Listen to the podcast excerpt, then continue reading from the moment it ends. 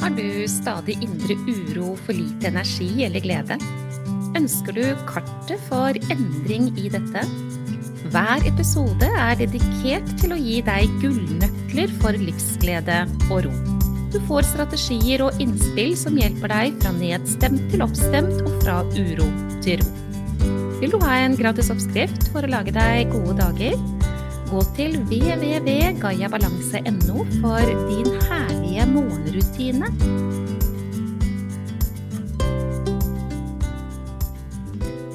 Denne episoden den skal handle om eh, dette med å kunne ta imot hjelp.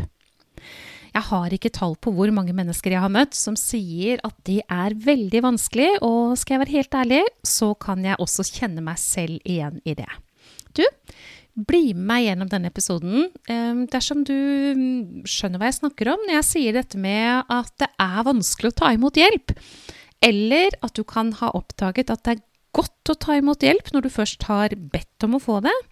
Eller du skulle ønske at eh, du ble bedre på dette med å spørre om hjelp, og til å ta imot hjelp.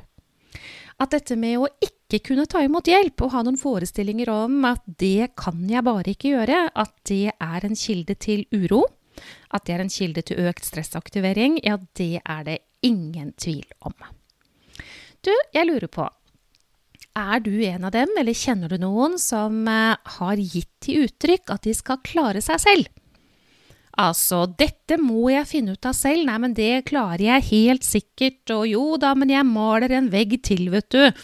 Og jeg, eh, jeg, eh, jeg, står på. Alle skal se hvor flink jeg er. Jeg vet ikke om det er så mange som sier akkurat det, men jeg har møtt mange som sier at det å, å, våge å be om hjelp, det anser de selv som et nederlag. Jeg har vært så sterk så lenge. Det er viktig for meg å være den sterke. Og det å skulle be om hjelp, det er, slik de sier det, et uh, uttrykk for å være svak. Og da har jeg så lyst til å få korrigert dette her, for Altså, du har ikke kommet hit til verden for å bevise hvor utrolig sterk du er. Og det er heller ikke sånn at hvis du ber om hjelp, så er det et uttrykk for svakhet. Jeg vil snarere si tvert imot. Altså, hvis du tror at det er å være svak og be om hjelp, så trenger du å øve på det, fordi det har ingen sammenheng i det hele tatt. Har du tenkt på at uh, hvis du er en av de som ikke ber om hjelp, så har du mest sannsynlig mennesker rundt deg som ønsker å hjelpe deg, og som du ikke tillater at skal få lov til å hjelpe deg? Har du tenkt på hva det gjør med de? Bare fordi du er så opptatt av at du skal fremstå som en som klarer deg sjøl.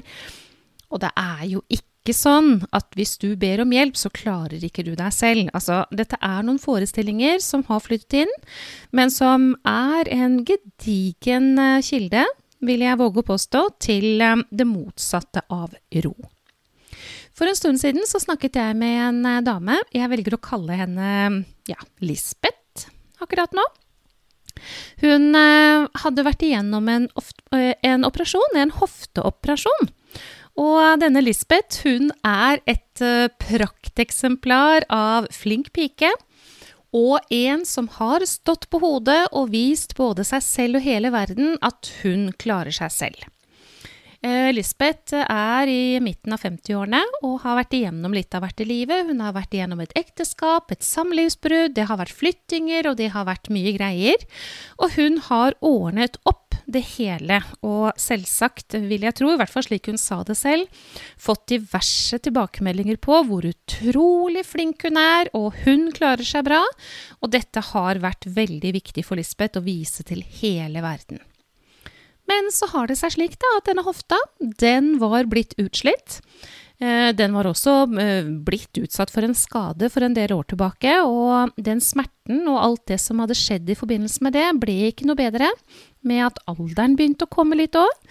Og hun eh, var kommet dit hvor det å gå disse fjellturene hun var så glad i, kunne ha den aktiviteten gjennom dagene sine som var viktig for henne, det ble veldig vanskelig. Legen hadde allerede i flere år sagt til Lisbeth at du bør vurdere operasjon, Men Lisbeth hadde kun klart å tenke én en eneste ting, og det er hva med meg under rehabilitering? Jeg bor alene, jeg har ingen mulighet til å komme meg i butikken, det kommer til, å ta lang tid før kroppen min er back in business. Og hvordan i alle dager skal jeg klare dette etter rehabiliteringsoppholdet? Og så kom hun dit da, hvor hun etter hvert ikke fikk noen valg lenger. Altså Enten så var det operasjon, eller så var det svært nedsatt livskvalitet. Og da bestemte hun seg for at ok, nå får det faktisk skje. Lisbeth ble operert, en svært vellykket operasjon. Hun ble sendt til rehabilitering. Alt gikk som det skulle, men etter en slik operasjon så tar det tid før man er så mobilisert at man kan eh, drive med matvarehandling og bære tungt og flytte på ting og alt dette her. Og i den perioden som kom da Lisbeth var kommet hjem etter rehabiliteringsopphold, ja, da var det slik at hun for første gang i sitt liv var nødt til og be om hjelp. Hun sa til meg, du Monica, vet du hva, jeg er altså så takknemlig for at jeg våget å gå igjennom denne operasjonen, fordi nå har jeg erfart hvor godt det har vært å ta imot den hjelpen. Du vet jo det at når jeg nå har vært igjennom den operasjonen, da, så har jeg blitt tvunget til det, sa Lisbeth til meg. Jeg har aldri bedt om hjelp, og nå oppdager jeg at det er godt å kunne ta imot den hjelpen. Ja, jeg ble veldig opptatt av um, å være raus med godord til Lisbeth i den samtalen, men jeg sa også til henne hva skal du bruke denne erfaringen til da? Skal du nå når du er fullstendig mobilisert og alt er i orden igjen om en liten stund, skal du bruke eh, denne erfaringen til å fortsette å be om litt hjelp, eller har du lyst til å gå tilbake igjen til det sporet som du kom fra? For hvis ikke du er litt bevisst, så kommer du mest sannsynlig til å gjøre det. Hvorfor er det sånn at mennesker ikke ber om hjelp? Hvorfor er det sånn at mennesker har så stort behov for å vise omverdenen at de klarer seg selv, liksom? Altså, er det virkelig sånn at mennesker som ber om hjelp, ikke klarer seg selv?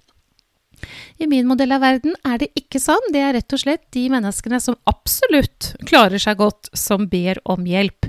For de tar altså enda bedre vare på seg selv når de ber om hjelp når de har behov for det. Hvem av oss er det som ikke trenger hjelp av og til, da? Jeg trenger hjelp.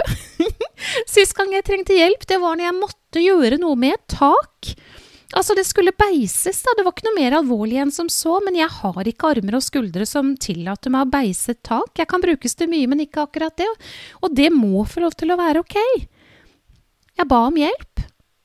Men jeg kjenner meg veldig godt igjen i at tidligere i mitt liv så har det vært utfordrende. Hvordan er det med deg? Tenker du at mennesker som ber om hjelp, at de ikke klarer seg selv? Tenker du at de er svake og late og ikke gode nok, eller tenker du at de er modige og sterke og tydelige som ber om hjelp? Jeg må innrømme det at jeg tenker det siste, og jeg applauderer at det er helt fint å be om hjelp. Men jeg tror at dette har en årsak i en eller annen forestilling om at jeg er ikke god nok, jeg klarer ikke meg selv, jeg har et stort behov for å bevise i forhold til mine omgivelser at jeg faktisk klarer meg selv. Og det der, der, ja, det må vi slutte med. Monica, det var så godt å ta imot hjelp. Men hva var det som gjorde at Lisbeth fikk den erfaringen? Jo, det var at hun har vært igjennom en operasjon, og hun sa det selv. Og jeg ønsker for deg, kjære lytter, at hvis du kjenner deg igjen i noe av dette her, så kommer du deg ut av denne usannheten om at ikke du kan be om hjelp fordi det liksom er feil på noe vis. Eh, uten at du må gjennom en operasjon, det er da ikke meningen, det.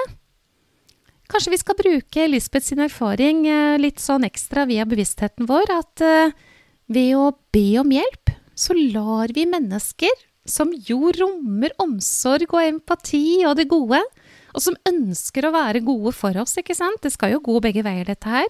Vi hjelper jo veldig gjerne til, gjør vi ikke det? Jo da, det gjør vi. det er ikke noe problem, det. Hjelper til og hjelper til. Men vi trenger også å kunne ta imot hjelp, fordi hvis du syns det er godt å hjelpe andre, så gjelder jo det for de fleste andre også, at når de får lov til å hjelpe deg, så er det vinn-vinn. Lisbeth, jeg håper håper, håper, håper at Lisbeth kom fram til at hun skal fortsette å ta imot hjelp og be om hjelp og legge til rette for at hun kan få det.